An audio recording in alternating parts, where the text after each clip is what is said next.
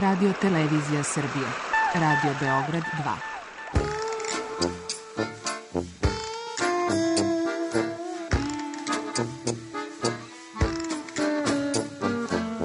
Rekli su mi, gospodine, vi ste promašili temu. Pa ja sam onda promašio život. I ne znam šta će da bude sam. Kaže, ja ne mogu više te čuvam. Šta da ti radi? Kaže, snađi se kako znaš. Mi smo kao u kafesu. Za nas to je najmrtvo. To je mrtvo za nas. Naročito. I ja bih želela neko da me usvoji. Da bih želela. Govori da bih te video. Program dokumentarnog zvuka.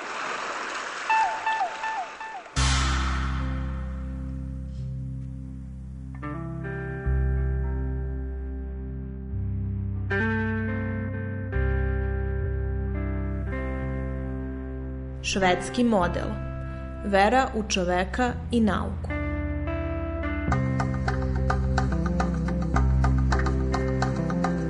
Govori Branka Đukanović Svensson.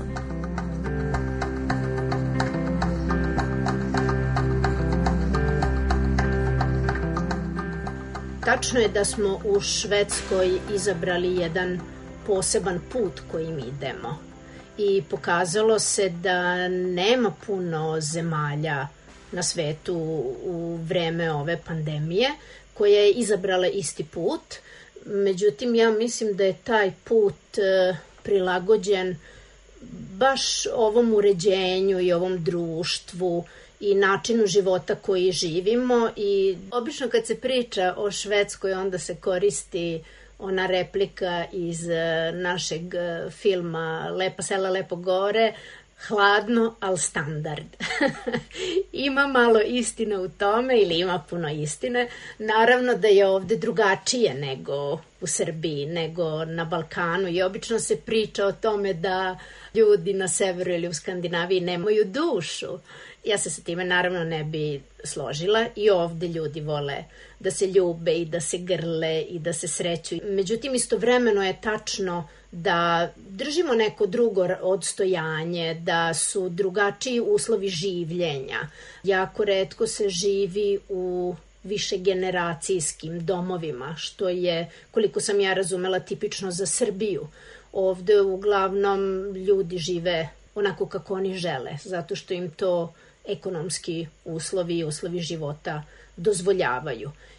Ja bi navela, na primer, jedan, jedan drugi razlog koji ja mislim da je skoro presudan za Švedsku, a to je u stvari ponašanje stanovnika prema preporukama institucija.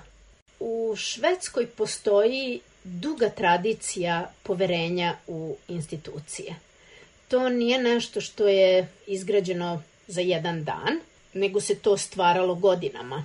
E, švedska je demokratija 100 godina. Mi volimo stručnjake, mi, mi slušamo preporuke stručnjaka. Nama ne treba neko da naredi šta da radimo.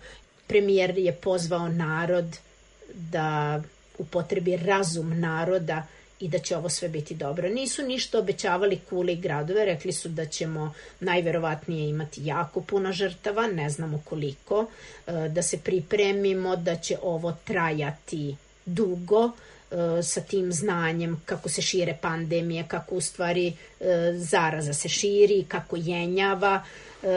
Znamo isto da do te neke vakcine najverovatnije, najverovatnije neće biti za najkraći period godinu i po dana i Švedska je izabrala put da živi sa pandemijom, a ne da upuca pandemiju, zato što to nije moguće uraditi.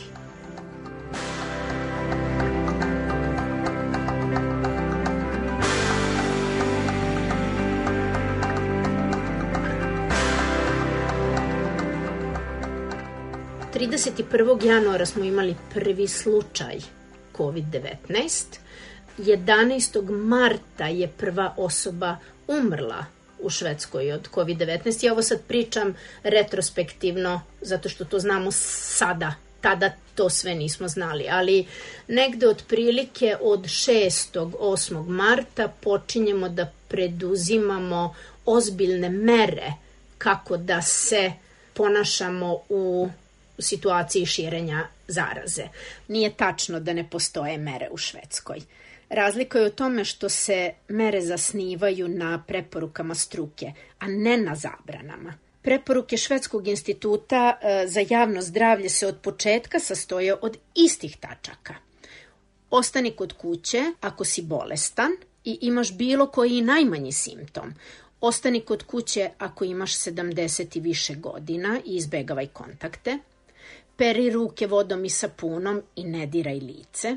Drži odstojanje kako u zatvorenom, tako i otvorenom prostoru. Izbegavaj okupljanje u grupama i ne putuj bez potrebe.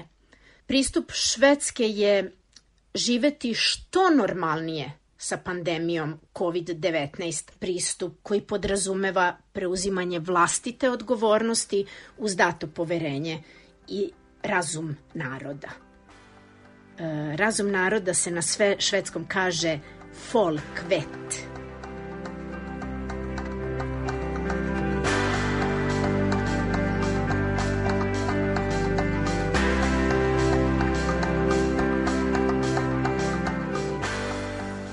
ja recimo živim u tom problemu, mogu da kažem. To mi je u stvari najveći problem u ovoj pandemiji, to da moja mama živi u Srbiji, a da ja ovde sa svojom porodicom živim u Švedskoj. Ja živim ovde skoro 30 godina, živim duže nego što sam živela u svojoj domovini.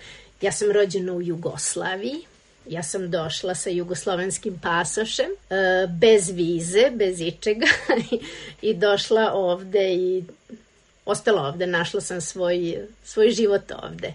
Udata sam za Junasa, imamo jednog sina i zajedno smo ovde već dugi niz godina. Međutim, moja mama živi u Novom Sadu, ima 73 godine i spada u tu grupu koja je u Srbiji koja je u stvari od 14. marta, jao, kako da kažem, karantin. To za mene nije karantin, to je za mene, ja sam to doživjela kao zatvor zato što nije mogla da izađe do onog nekog prvog vikenda kad je smela da ide da pazari u 4 sata ujutru. Moja mama je jako pokretan penzioner, vrlo je vitalna, voli da se rekreira, voli da hoda. I onda sam ja videla kad smo se čule preko Vibera drugi dan tog njenog zatvora, ja sam samo videla da je moja mama oronula, da je bukvalno skapala žena. I onda sam ja pomislila, ja moram nju nekako da spasim, tako da sam došla na ideju da joj kupim onu traku za trčanje. Isporučili su joj za nekoliko dana i onda je procvetala. Održavali smo uh, kontakt preko Vibera, tako da je to neki naš način bio da njoj sačuvamo zdravlje u stvari i psihičko i fizičko zdravlje. Ja ovde radim kao medicinska sestra, Međutim, poslednjih godina ne radim klinički u, u bolnici, inače sam zaposlena u, u najvećoj univerzitetskoj bolnici u Skandinaviji u Geteborgu, zove se Solgrenska i radim u sindikatu, tako da imam informaciju, to mi je u stvari posao da se bavim informacijom i načinom suzbijanja širenja zaraze, tako da ja nikad nisam bila zabrinuta da da ćemo se mi zaraziti ili da, da nećemo znati da održavamo bazalnu higijenu i to, i to sam onda prenela isto i moje mami. Ja znam da će ona nastaviti tako da, da se ponaša. Od juče su dobili valjda da, da izlaze napolje tako da ona izlazi i sad je sva sretna da može da se šeta.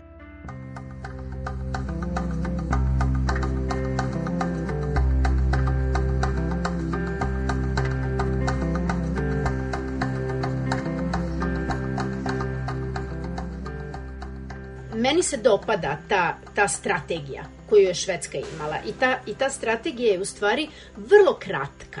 E, ne postavlja neke nenormalne i neke nedostupne ciljeve. E, sprečiti širenje zaraze je vrlo precizan cilj. Znači, u tome svako mora da da doprinos. Da zaštitimo ljude koji su stariji od 70 godina i koji su u rizičnim grupama, isto je jasno. Moramo zaštititi njih. Deca nisu u opasnosti i zato su sve vreme otvorene škole u Švedskoj. zato što znamo da deca ne umiru od COVID-19, a da je vrlo važno da škole funkcionišu zbog jednog drugog aspekta, zbog uh, psihičkog zdravlja, zbog zdravlja dece da imaju jednu normalnu situaciju da sreću svoje drugare, da idu u školu, da uče što im je na kraju posao. U Švedskoj su pokazali isto da deca koja idu u školu imaju garantovani kuvani obrok u školi. To sve porodice nemaju kod kuće. Onda znamo isto da karantin povećava nasilje u porodici.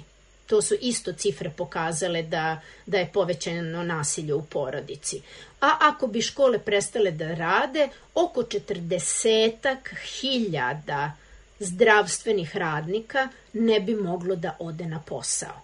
I u takvom jednom društvu je nemoguće živeti, gde je jedna od strategija smanjiti pritisak na zdravstvo. Znači da zdravstvo bude to koje treba da iznese ovu pandemiju.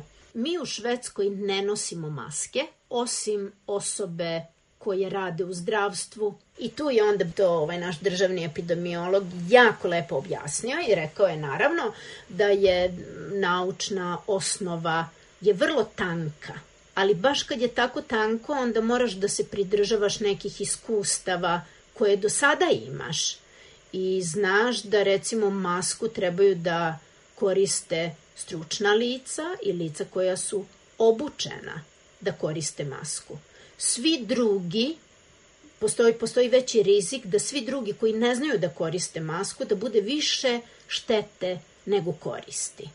I videli smo onda da na ovim konferencijama za štampu da je bilo stranih novinara koji su obavezno dolazili sa maskama i onda primatimo kako oni te maske čačkaju, pa kako dižu preko nosa, pa kako, spuste ispod grla. Ja kad vidim nekoga sa maskom onako zakačeno na ušima i ispod brade, mislim, to je radi neke forme, radi nečega. Kad kažem da niko ne nosi masku, to znači da ne nose niti ljudi na ulici, niti ljudi koji rade u prodavnici, niti nastavnici koji rade sa decom u školi, niti niti epidemiolozi koji drže konferencije za štampu, za novinare.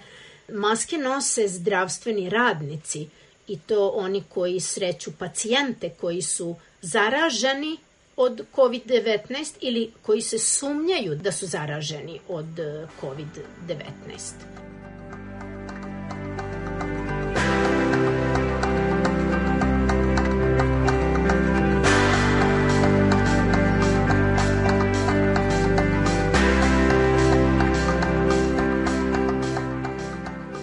Sad prilikom COVID-19, kad, čim, čim su izašli s ovim merama e, kako da se ponašamo, socijalna distanca. Izašla je isto i preporuka od prvog dana je državni epidemiolog rekao da pri najmanjim simptomima bolesti, prehlade, da tog dana ostanemo kod kuće i da ne idemo na posao, da ne bi širili zarazu. Ako se sledećeg dana osjećamo bolje, onda možemo da idemo na posao, jer najverovatnije nije COVID-19, nego je neka obična prehlada ili nešto. E sada, ne može svako da ostane kod kuće i da podnese gubitak zarade toga dana, zato što i u Švedskoj imamo jako velike razlike u primanjima i u načinu života po pitanju šta se radi i koliko se zarađuje naravno. Međutim, tu je bio recimo i moj sindikat umešan da smo odmah tražili od vlade da se prvi dan bolovanja, koji je inače neplaćen dan, da se plati ljudima, tako da mogu da ostanu kod kuće, da ne budu ekonomski oštećeni e, time što će ostati kod kuće. Tako da je u roku nekih, u, u roku jednog dana, naravno da je donesena odluka da će se isplaćivati 70 evra prvog dana ostanka kod kuće. I to je nešto što važi još uvek i moj e, sindikat, na primer, mi smo sada uložili zahtev da to tako ostane trajno i posle korone, mislim zašto da ne. To je jedna socijalna mera koja pomaže ljudima baš da prate preporuke koje su dobre za nas, jer znamo da ta ekonomska situacija znači jako puno. E, onda jedna od sledećih mera, na primer, svako u Švedskoj ima pravo da ode na bolovanje nedelju dana i ne mora da donese potvrdu od lekara da je na bolovanju. E sada šta radimo posle sedam dana, zato što smo znali da korona može da bude i dve nedelje i tri nedelje da se ima korona, da, da simptomi ne nestaju. Odma je vlada donela odluku da potvrda za bolovanje od lekara nije potrebna tri nedelje, 21 dan i to kao jednu meru da se smanji opterećenje na zdravstvo. Da se ne ide bez veze u dom zdravlja i da se traži lekar da bi ti napisao neki papir, nego ljudi ostaju kod kuće i procenjuju koliko im je dobro ili nije. Jer, jer znamo da u početku nismo imali te testove na koronu. Nije bilo dovoljno testova, e, nije bilo e, testova koji su dovoljno, kojima se dovoljno može verovati da li pokazuju pravi odgovor i na kraju to nije bila primarna stvar. Primarna stvar je bila uh, obezbediti sva ta mesta intenzivne nege i osposobiti za rad da se prihvate pacijenti sa najtežim simptomima. Trenutno u Švedskoj znamo da ima 1728 osoba koje leže na odelenjima u bolnici i dobijaju negu za COVID-19. E, znamo da imamo 481 pacijenta koji je u respiratoru zbog COVID-19. Ovo, danas je prvi dan da je ta cifra ispod 500, tako da je jako pozitivna cifra. I iako imamo tako veliki broj pacijenata u intenzivnoj nezi, danas imamo 311 slobodnih mesta na intenzivnoj nezi da prihvatimo akutne pacijente kojima je potrebna nega.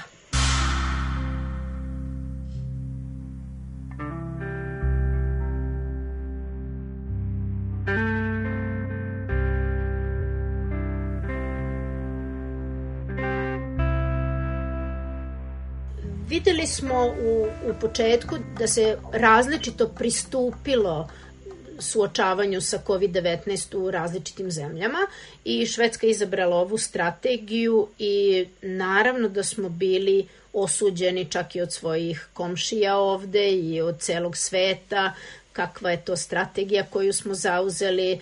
Išle su glasine da Švedska ne radi ništa da sede po kafićima, da, međutim, to, to je bilo jedno veliko neznanje o strategiji Švedske i ja bih rekla i neka dezinformacija, tako da se jako puno radilo na tome, naši epidemiolozi, naša ministarka spoljnih poslova, učestvovali su u velikim e, emisijama stranim u Americi, u Velikoj Britaniji, da u stvari informišu šta to mi radimo. Međutim, osuđeni smo bili zato što nismo u, u karantinu i zato što smo nastavili da se ponašamo pod znacima navoda normalno. Naravno, ništa od toga nije tačno. Mi smo u stvari ispostavilo, ispostavilo se imali jednu strategiju na duge staze.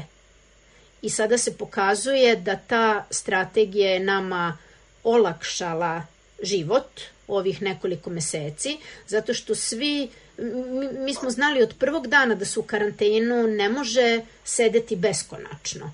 Vakcina još uvek ne postoji, nemamo ni lek za, za COVID-19, tako da u stvari mi moramo da se naučimo da živimo sa COVID-19 dok se ne izvučemo, tako da kažemo.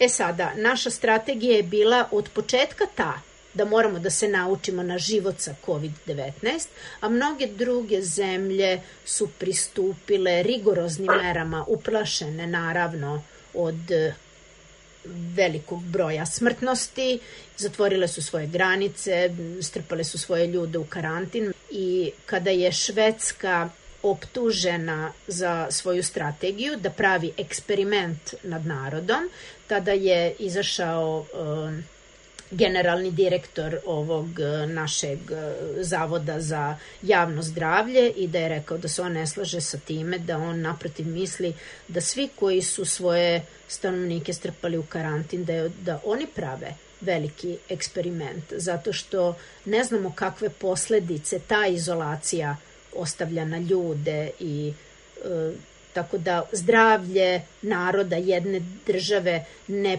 podrazumeva samo odsustvo smrti. Zdravlje je jako veći pojam i uključuje psihičko zdravlje, uključuje e, sva zadovoljstva u životu, uključuje jedan normalan život, socijalni život, obrazovanje, rad, e, slobodno vreme, sve je to život.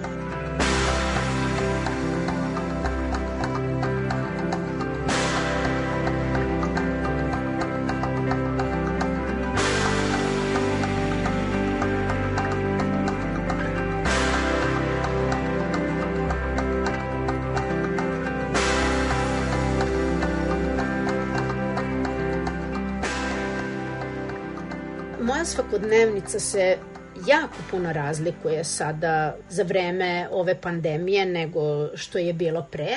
Najveći broj dana u nedelji radim od kuće, međutim i dalje idem na sastanke predsedništva u Geteborg. Ja putujem u Geteborg vozom 70 e, i nešto kilometara, 45 minuta ide voz i ovaj sredstva javnog prevoza funkcionišu besprekorno.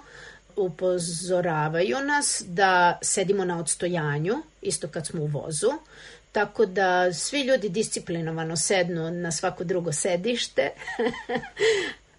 Nama nisu prijatelji bili od marta meseca, međutim to ne znači da se ne srećemo sa našim prijateljima, samo smo promenili načine druženja. Imamo prijatelje koji žive u mestu koje se zove Hamstad, 70 km južno od našeg grada i bili smo tamo za 1. maj i proslavili smo 1. maj tako što smo u, jednom, u jednoj poznatoj hamburgeriji kupili hamburgere i jeli ispred hamburgerije stoječki na odstojanju, zato što je prijatelj u rizičnoj grupi. Tako da kod nas nema tog e, grljenja i rukovanja e, na ulici. Naravno da krenemo, ja krenem isto nekoliko puta da pružim ruku, međutim onda, a ne, ne, ne, ne smemo tako, ne smemo da se pozdravimo, ne smemo da se zagrlimo. Međutim, to je nešto što je neizbežno i mi toga moramo da se pridržavamo i ovaj postoji uopšteno kod svih ljudi mi podržavamo jedni druge u tome da se pridržavamo pravila. Naravno da i ovde ljudi mogu da se opuste posle nekog vremena, međutim ovde ne postoji taj e, socijalni pritisak ili bagatelizovanje problema ako neko ne želi da se pozdravi ili da se zagrli. Ja mislim da kada se ljudima da poverenje, da ljudi to poverenje opravdaju. Ja mislim da je to, ja mislim da je to presudno.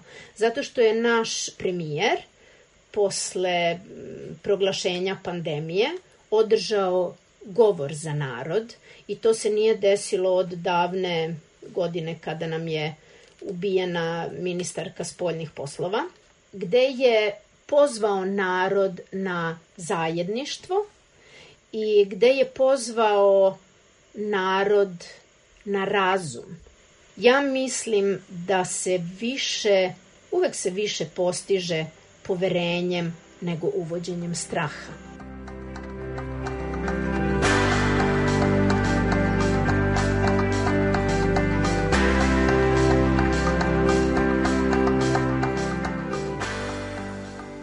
Ističe se posebno naš e, državni epidemiolog e, Andeš Tignel, koji je u stvari jedna frontalna ličnost na konferencijama za štampu i naravno da je na velikom udaru. Kao što dobija mnoge koji su ga kritikovali, jedno vreme je ta kritika bila toliko jaka da su morali ljudi da izađu u javnost i da kažu da nije u redu napadati nekoga tako sa tim ružnim rečima, onda je to sa jedne druge strane izazvalo jednu poplavu obožavanja tako da postoje fan klubovi na Facebooku, da postoje grupe e, koje obožavaju Andeša Tegnela, onda postoje, na primer, e, kako se zove, futrole za mobilni sa njegovim likom.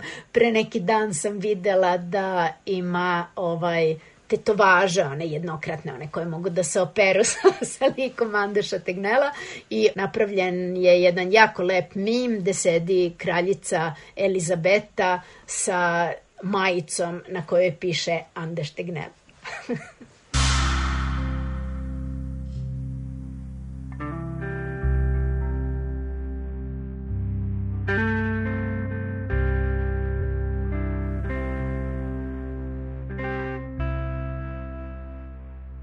mi smo učinili sve napore da, da zaštitimo naše najslabije u društvu, to su, to su stari i to su bolesni i moramo da priznamo da u tome nismo u potpunosti uspeli.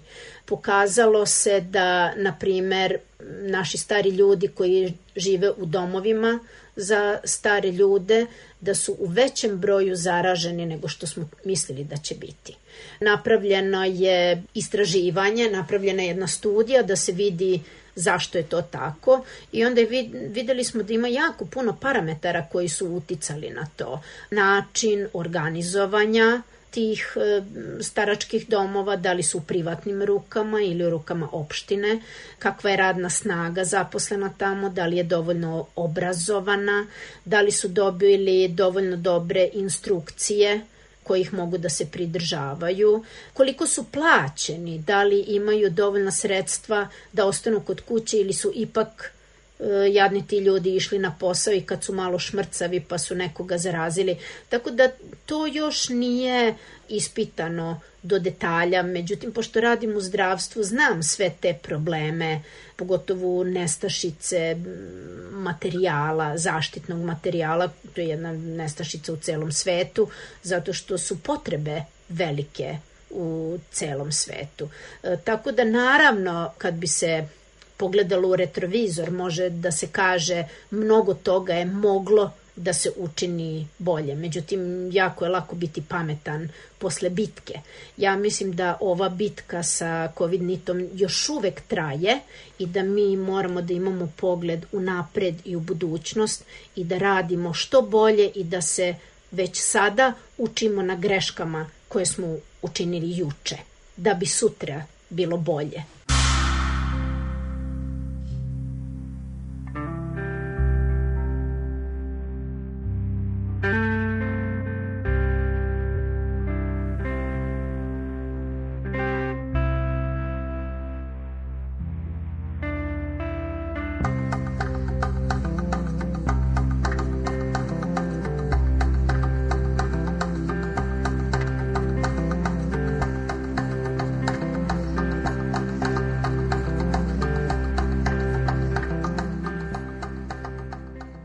Čuli ste reportažu Švedski model vera u čoveka i nauku.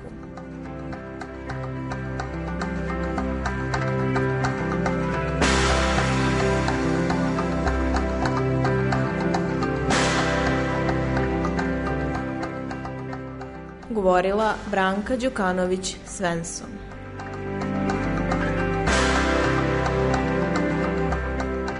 Autor Milena Radić.